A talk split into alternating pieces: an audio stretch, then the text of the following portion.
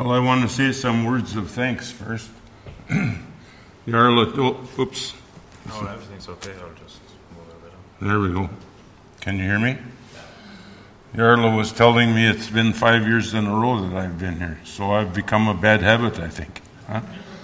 So we, um, I, for Norwegian Americans, going back to Norway is a long-held dream, and to do that five years in a row is practically unimaginable. So I thank you for that. I've loved every minute of it.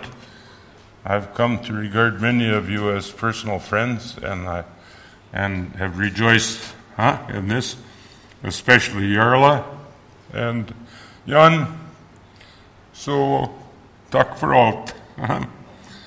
Uh, Then I want to say a word of thanks from my wife too. She doesn't have to look after me when I'm over here, so so then she she worries that I'm on too long a leash, and and she's been grateful to several of you for keeping a watch. I'm I'm I'm truly an absent-minded professor, and I can wander away just about any place. So. I, she's waiting for me nervously at the airport on Monday. and then I'll be under supervision once more. Huh? So, lots of fun. So, thanks for everything. Um, Luther made some offhand comments about what God accomplishes in justifying sinners. Here are three of them. In justification, God brings, makes us what Adam and Eve were meant to be, only better. In justification, God makes us what Adam and Eve were meant to be, only better. In justification, He brings us back to the point from which Adam fell. He makes us glad and content to be creatures of the earth. Christ became flesh so that we might become flesh with him and so live as people of the earth. The problem going all the way back to the garden is that Adam and Eve have never cared to be creatures. They think better of themselves than that. When we have swell headed people in the States, we say behind their backs, they're better a folka. Huh? They think more highly of themselves than the rest of us. And so Adam and Eve were discontent with being creatures. And so they set out to better themselves. Eve listened to the voice of the snake. You will be wise. You will know good and evil. You will be able to take care of yourself. And you won't have to take orders from anyone.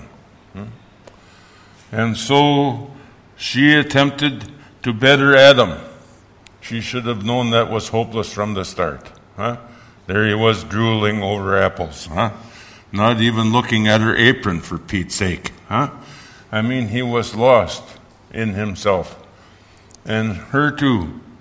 And so um, they got, they attempted to improve themselves, hmm, to go beyond what God had given them. And as a consequence, they bound themselves ever more tightly. Every defining relationship of life turned against them, huh? God created them for Himself, and when He came for a walk in the cool of the evening hmm, in the garden, they went and hid. Luther was sure that it wasn't God walking in the cool of the evening. He thought, sure, it must have been a rustling leaf. Adam and Eve were scared to death and they went and hid. Huh? And sure enough, when they were hiding, they discovered the difference between the differences between themselves, and they hid themselves from one another. They couldn't stand to see God and they couldn't stand to see one another. They were naked, they knew it, and they were ashamed. Huh? And so the relationship between God and themselves was broken, and the relationship between one and the other was, was broken. Huh? Eve made me eat that apple. Right? Oh, it was Adam's fault. No, it was Eve. They're fighting back and forth, each one determined to better the position in relation to the other. And most significantly, the relationship with the earth broke down. Hmm? Eve, in pain will you bring forth children. Adam, in the sweat of your brow, in thorns and thistles, you will eat bread. Hmm? And so, as Adam and Eve tried to bring themselves beyond earthly conditions, huh, the earth began to fight back which it has continued to do ever since. Huh? Even Roundup, which is one of the most dreadful products of American chemistry, has been around long enough so that plants are getting um, getting to be to defy it. Huh? You can't fool the good Lord for too long, right? And so the earth fights back. They fight. God is God is pushed off and the whole thing comes a cropper. And so when you read the first 11 chapters of Genesis, what you see is evil spreading into every dimension of life. Till finally, Scripture says, before the flood, huh? The imagination of man's heart is evil only continually from, my, from his youth. And when the flood is over, God expresses the same verdict. I will never again flood the earth, he says, because the imagination of man's heart is evil only continuously from his youth. And so evil spreads and evil spreads, and it spreads uncontainably until finally the whole earth is a swamp with trouble. Finally, we have the story of the Tower of Babel, which is a wonderful joke, huh?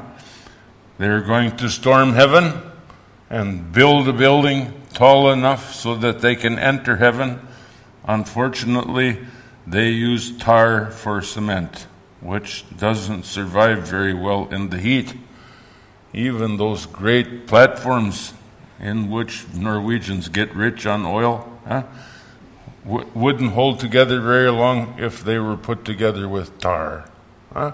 And so everything is coming to pieces. Hmm? Evil is spreading. Now, in order to counteract this spreading evil, God conceives of a daring proposition. He calls Abraham. He calls Abraham from Ur of the Chaldees he makes a threefold promise to Abraham that he will be a, that he will be, be a great nation, that he will have land, and finally, that he will be a blessing to the nations.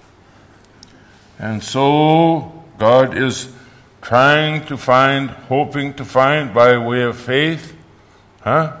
Rather than obliterating hoping to find a way of restoring the earth.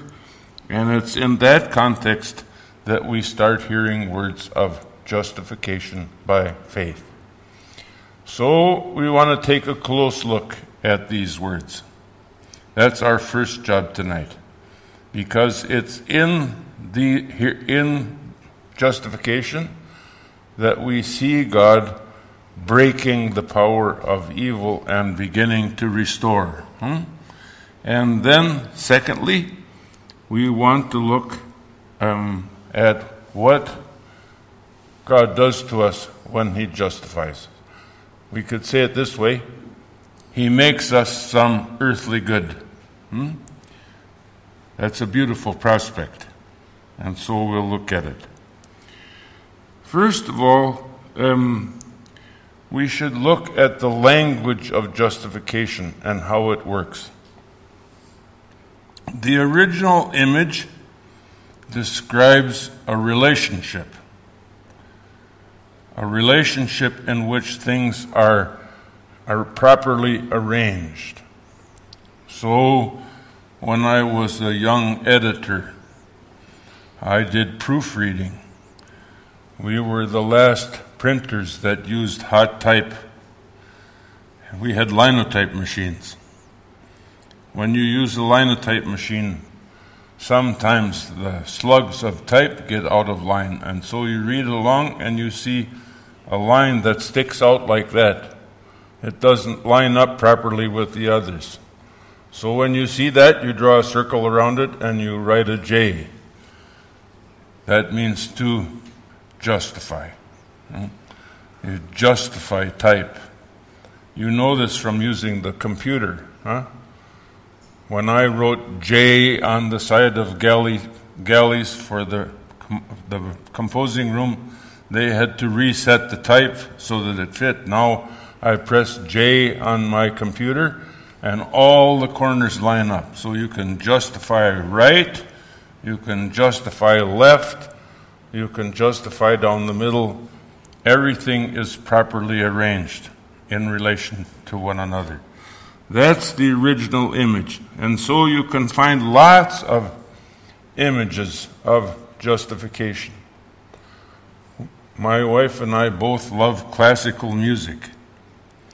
And so we, when we're back in Minnesota, we go weekly to classical music concerts, the St. Paul Chamber Orchestra. and when we're there, one of the things I enjoy is the musicians fooling around on the stage before the concert starts. They're all playing different things. It's a cacophony of sounds. They're one the violinist is playing this and the oboe player is playing this, and the trombone players, I always love trombone players, are playing this. Huh? There's a wonderful old Jewish curse May your neighbor take trombone lessons. Huh? Perfect. So you have all of these different sounds, and then the conductor, the the um, the first violinist comes out, huh, and stands in front of the orchestra and plays a note, and everybody tunes up. That's justification. They're justifying the orchestra. They're tuning up in relation to one another. And so when they begin to play, the sound is gorgeous hmm, because now everything is properly arranged. In the little town where I grew up, we had one of those fearsome sopranos in the choir who was never justified. the choir would be perfectly in tune, and then you'd hear her winding up like a siren, you know. I mean, she was way off. And everybody loved her for it, you know, except the director who had visions of murdering her. and you know that when you, in music, everything depends on being in proper relation to one another. And when those relations are broken, you notice it right away. Somebody's flat, huh? Somebody's sharp. Somebody's not listening, huh? It's not working. And so a choir an orchestra is justified. When God begins to justify us, He restores order. He places us in a proper relationship to Himself and to the earth around us. That's the whole image. And so God justifies sinners.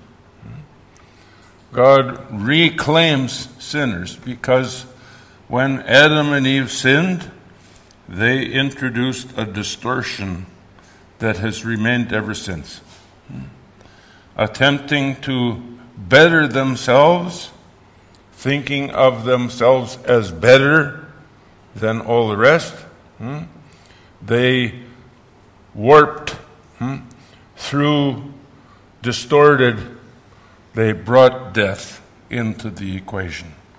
And with that, the whole earth is in bondage. In bondage to distortion, in bondage to death, so that death spreads over us and takes us. When we think in these terms, then we're in the family of the language of justification by faith. So we we can see what God is doing with us. He justifies us by putting us in a proper relationship with Christ Jesus. To be sure, the original image is legal. Hmm? It's the law that lays down the pattern. And so to be justified is to be restored according to the law.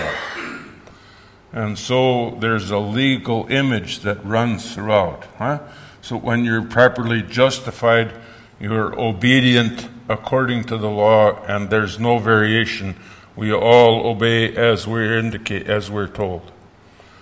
But for Luther, hmm, there's something richer. And for the Apostle Paul before Luther, there's something richer. Before the prophet Isaiah, before there's something richer.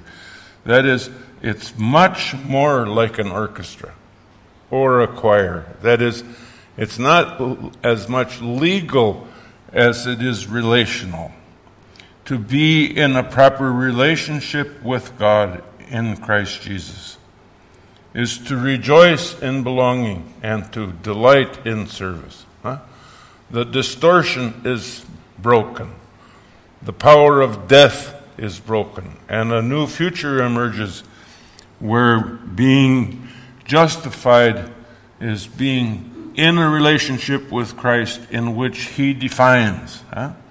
and in which we freely and gladly huh, go about our lives. So, um, uh, Luther challenges the legal understanding, and he describes um, he describes justification in all kinds of ways that are very appealing, huh? Where we freely and joyfully go about our life of service. Christ begins this realignment in the forgiveness of sins. That's the importance of the absolution.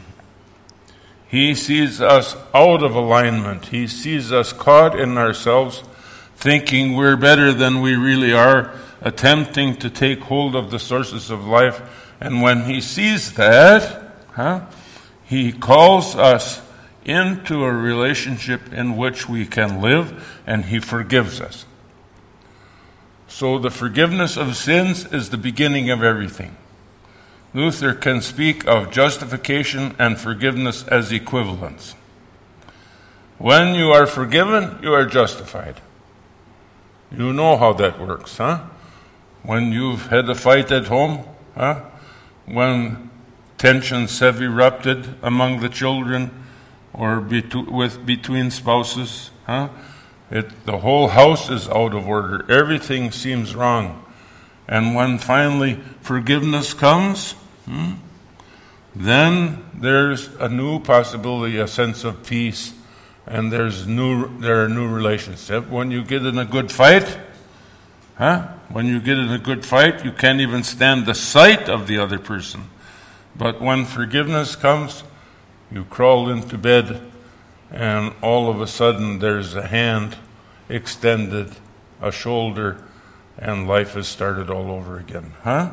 That's the beginning. That's the justifying of justification worked in forgiveness. And when the forgiveness comes, when forgiveness brings a new relationship, then it follows uh, that you attempt in various ways to make that concrete. Huh? Well, you don't want to take any chances too early, huh? But you try and you work together and you you you care for one another and and you and you restore relations and the balance comes back again and what has been strained is cleaned, and what has been troubled is restored, and there's a new life again. So it begins in forgiveness, and then it continues hmm, as we make efforts to join one another peaceably, peacefully, and to enjoy one another. So we call out to God, we call out to our neighbor, and we seek to restore. This is a matter of prayer. Forgive us our trespasses as we forgive those who trespass against us. That's tough. To ask for forgiveness is daring. It requires all kinds of courage and strength. To say, I was wrong, will you forgive me? takes a lot of courage and a lot of love. But when that's said, it's possible then to turn in forgiveness to the neighbor as well. Forgive us our trespasses as we forgive those who trespass against it. It doesn't go like this I'll forgive you your trespasses if you forgive. No, God doesn't say that. Jesus doesn't say that. Forgive us our trespasses as. Because Christ Jesus knows that forgiveness includes wounds that are long and deep. That it's sometimes impossible to forgive. That sometimes the hurt is so deep that all you can do is pray against it. And sometimes you can pray against it for a long time and it won't yield. I've told this story before. I don't think I've ever told it here. I can't remember, but but in, there were two Norwegians living, working, farming with their father in the Red River Valley in North Dakota. They were strong, hardworking, and they were prosperous. The older, the younger brother became convinced that the older brother had had the advantage. And so, when their father was sick and in the hospital, the younger brother went to talk to his dad and convinced his father that, in fact, the older brother had been treated better than he had. And he convinced the father to rewrite the will. The older brother didn't find out about it until after the father had died, and then when the will was read, everything went to the youngest son. The older brother was disinherited. The father did this thinking, as the son had, uh, younger son had convinced him, that this would straighten things out. But of course, you know what happened. Hmm? The older brother left. They had farmed together all their lives. The older brother went and bought the farm across the road for himself and began to farm that land. He was a good farmer. And soon enough, the land across the road was the equal to the land that he had farmed with his father and his brother. Both brothers married. Both had families. They lived right across the road from one another, and they had everything arranged so they never had to see one another. And they had everything arranged so that the children and the wives never had to see one another. They had everything choreographed and timed right down to the moment. They knew when the neighbors drove out to go to church, and they knew that, and they knew when they would be back, and they knew the whole schedule of the people on the other side of the road, so they never had to meet. This went on for 30 years when Norwegian Americans fight, it goes on for a while. There was enough animus there to build a deep hatred. Hmm. So they called two of us from the faculty of the seminary and asked us to come and help reconcile them. Didn't look like there was any possibility. Those families hated one another with everything. One went to this church, one went to the other church. One went to this school, another went to the other school. One played for that basketball team, another played for that basketball team. There was, you know, the old story of the Norwegian that was found on a desert island. He had two churches. He said, Why do you need two churches? He said, This is the one I go to, that's the one I don't go to. know, That's how it was with this family. They, they just, you know, they were, they were, you could hardly tell the difference between them. They, they had 30 year old children who had never met. And they'd lived right across the road from one another the whole time. So we talked to these two farmers and we lanced the boil. Huh? And finally, they were willing to meet the brothers. The younger brother wrote the older brother a check for $1,500,000. That settled it. And so we had a dance to celebrate, huh? And so when the dance started, here came the two brothers. One was leading his niece, whom he had just met the day before, and the, and the other huh, was leading another niece. And the two families came together into one again. That's the forgiveness of sins. They were justified. Hmm? They were brought back into the relation. So was Christ Jesus that did it, you know. I mean, about the only the, about the only thing that I contributed to that whole business was I went and hid the bathroom key, and I told those guys that they weren't going to be allowed to use the bathroom until they were willing to talk turkey. They got strained. they were both red in the face. when, when I finally opened the door. I mean, that's not very creative, is it, huh? But that's justification. Restoring a proper relationship, bringing it back. So, we pray. We forgive and pray. And as we forgive and pray, even the oldest and hardest kind of resistance begins to yield. And then things can happen. And so, in this way, we put the old to death.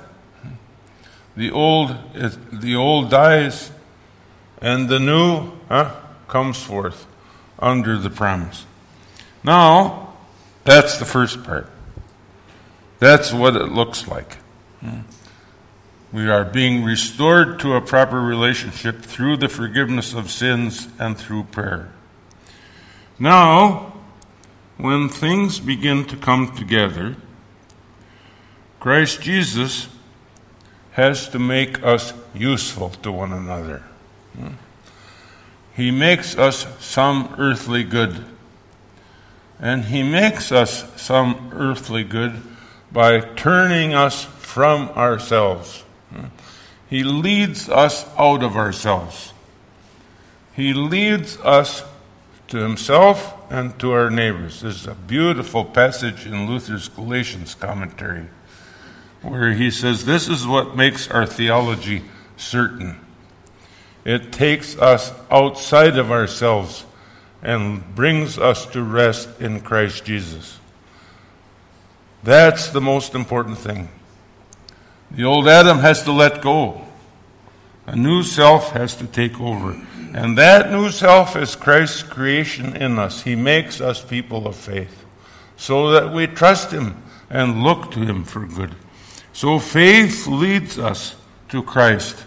And faith then turns from Christ to the neighbor so that we begin to see the neighbor in light of Christ. He takes us away he slays us. He strikes down the sinful self to raise up a new self in us.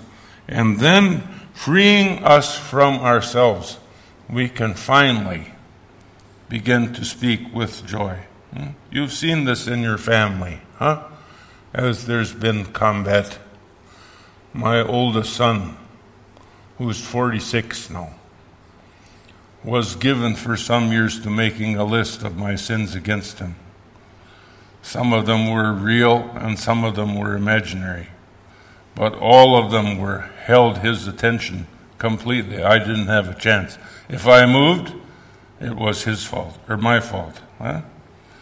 So he needed someone to drive with him all the way across the country from the west coast to Minnesota.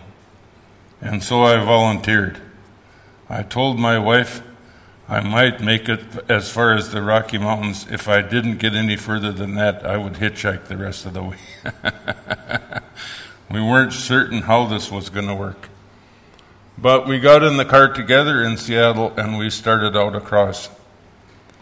We made it one hour, then two, and then three. The next morning he said, You know, this is a lot of fun. I said, I never dreamed I'd hear that from you. He said, Shut up. you know, it's soft, it's tentative, but we've been friends ever since. Huh? That's what happens in the forgiveness of sin. You get freed from old recriminations and old hatreds, and you can turn to one another with joy. This summer, all 14 members of our family made a trip together for our 50th wedding anniversary. Nobody was murdered, hmm? nobody was wounded. We all came home singing, huh? That's only possible in the forgiveness of sins. Any other way, hmm, you're going to get stuck. And so we turn to one another, right? We turn to one another in the promise of the gospel. And all of a sudden, what has been full of rancor and hostility begins to open up. There are new possibilities.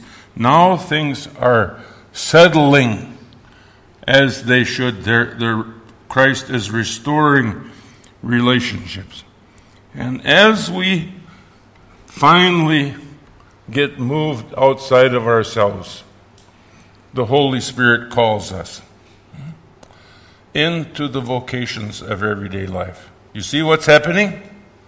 In justification, Christ frees us from the rancor and hostility of relationships and restores the relationship, and then He calls us through His Holy Spirit into relationships with one another, the defining relationships of life. These are earthy. God is after His creation. He is reclaiming His creation for Himself. He is the creator of heaven and earth.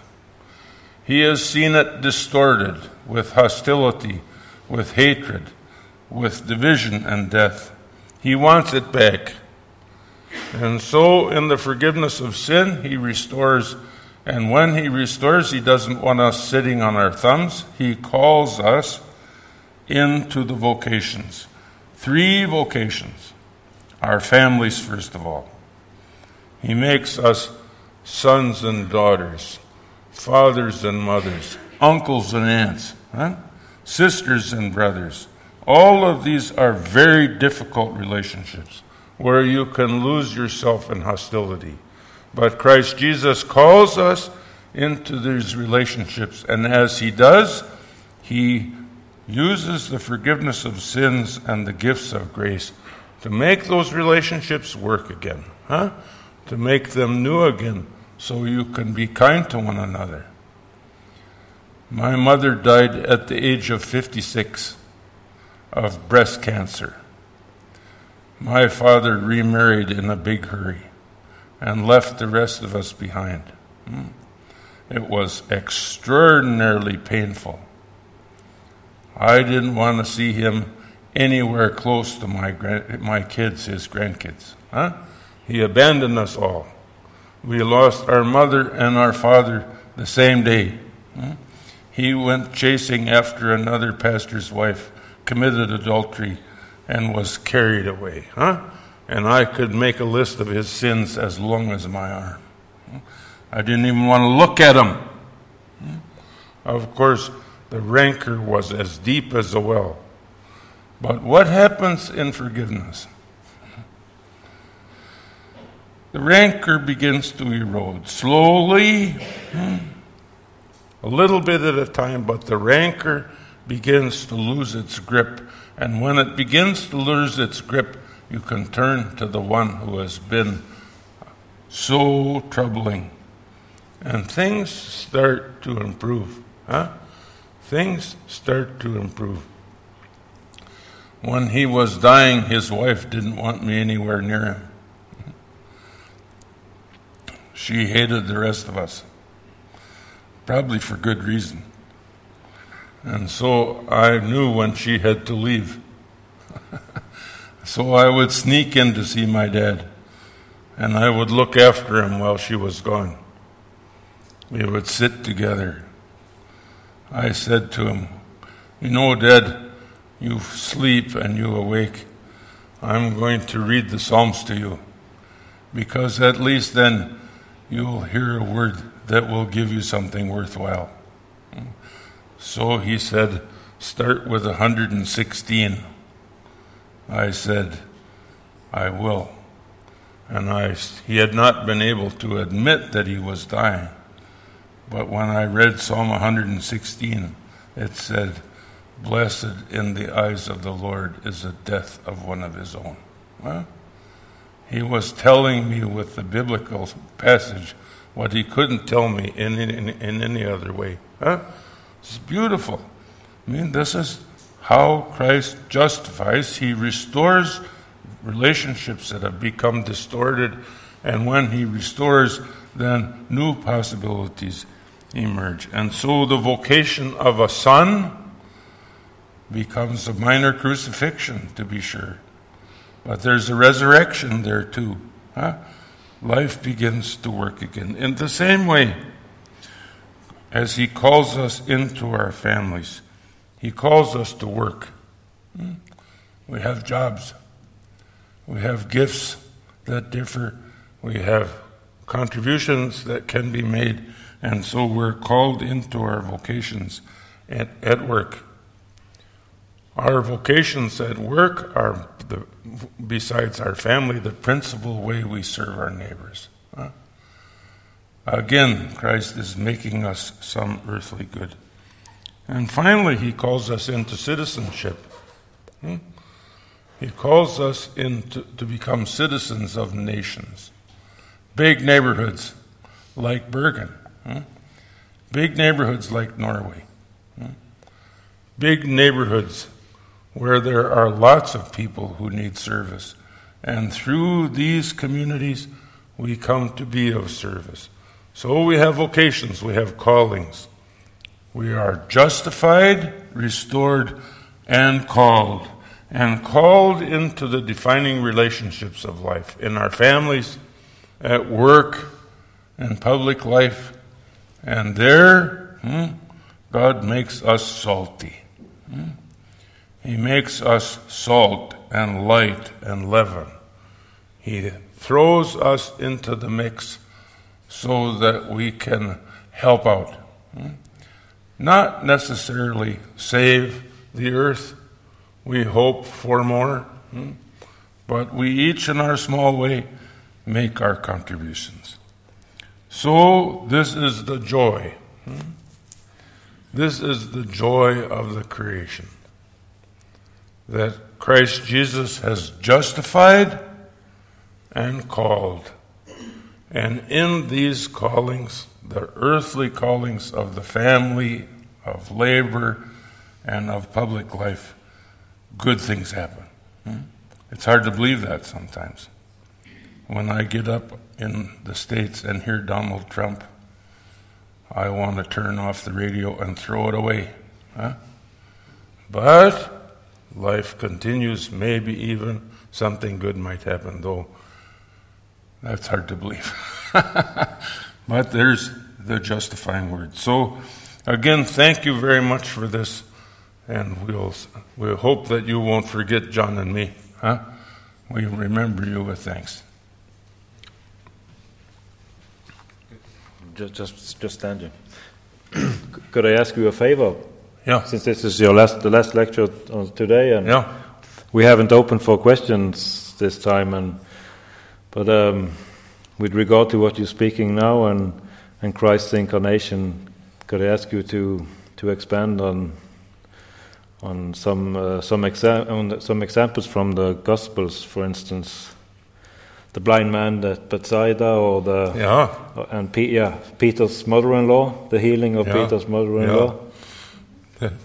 You know, um, one of my one of my great teachers was Gustav Wingren um, from Lund, and he he used to say this that when you read the miracle stories, um, very few people look closely at how they end. When Jesus heals and frees, when he's done doing so, he says, Don't tell anybody, go home. Go home. That's the very hardest place to go. Because home is where people know your secrets, they know what you're hiding, they know your, what's troubled you. But when you go home, hmm, that's where you can actually be some help. And so uh, the blind man at Bethsaida, at the pool of Bethsaida, he, he should have gone home. He's wandering around and getting into mischief, you know, and causing trouble for Jesus. He's, Jesus is getting criticized over and over again. Sometimes I wish that blind man would have taken a nap, huh? it would have been a good thing. But you see how Jesus works. He, he heals the man and frees him, even though it's risky. And in the same way with Simon Peter's mother in law, that's just a gorgeous story, you know. Jesus, I mean, this is one of the miracles of touch. He goes into the room, and Simon Peter's mother in law has a fever. It's no accident that he goes to Simon Peter's mother in law. I mean, he goes and he takes her by the hand, and the fever leaves her, leaves her, and the passage says, she gets up, she got up and served him. She went right back to her vocation. She went and made the coffee and got some cookies and, huh? Said, Do you like cream with that? she served him. That's the beauty of it, you know, that she's, she's, she's been broken out of the distortion that has been her, her fever, and she's, she's re- immediately restored to her vocation. It's a lot of fun.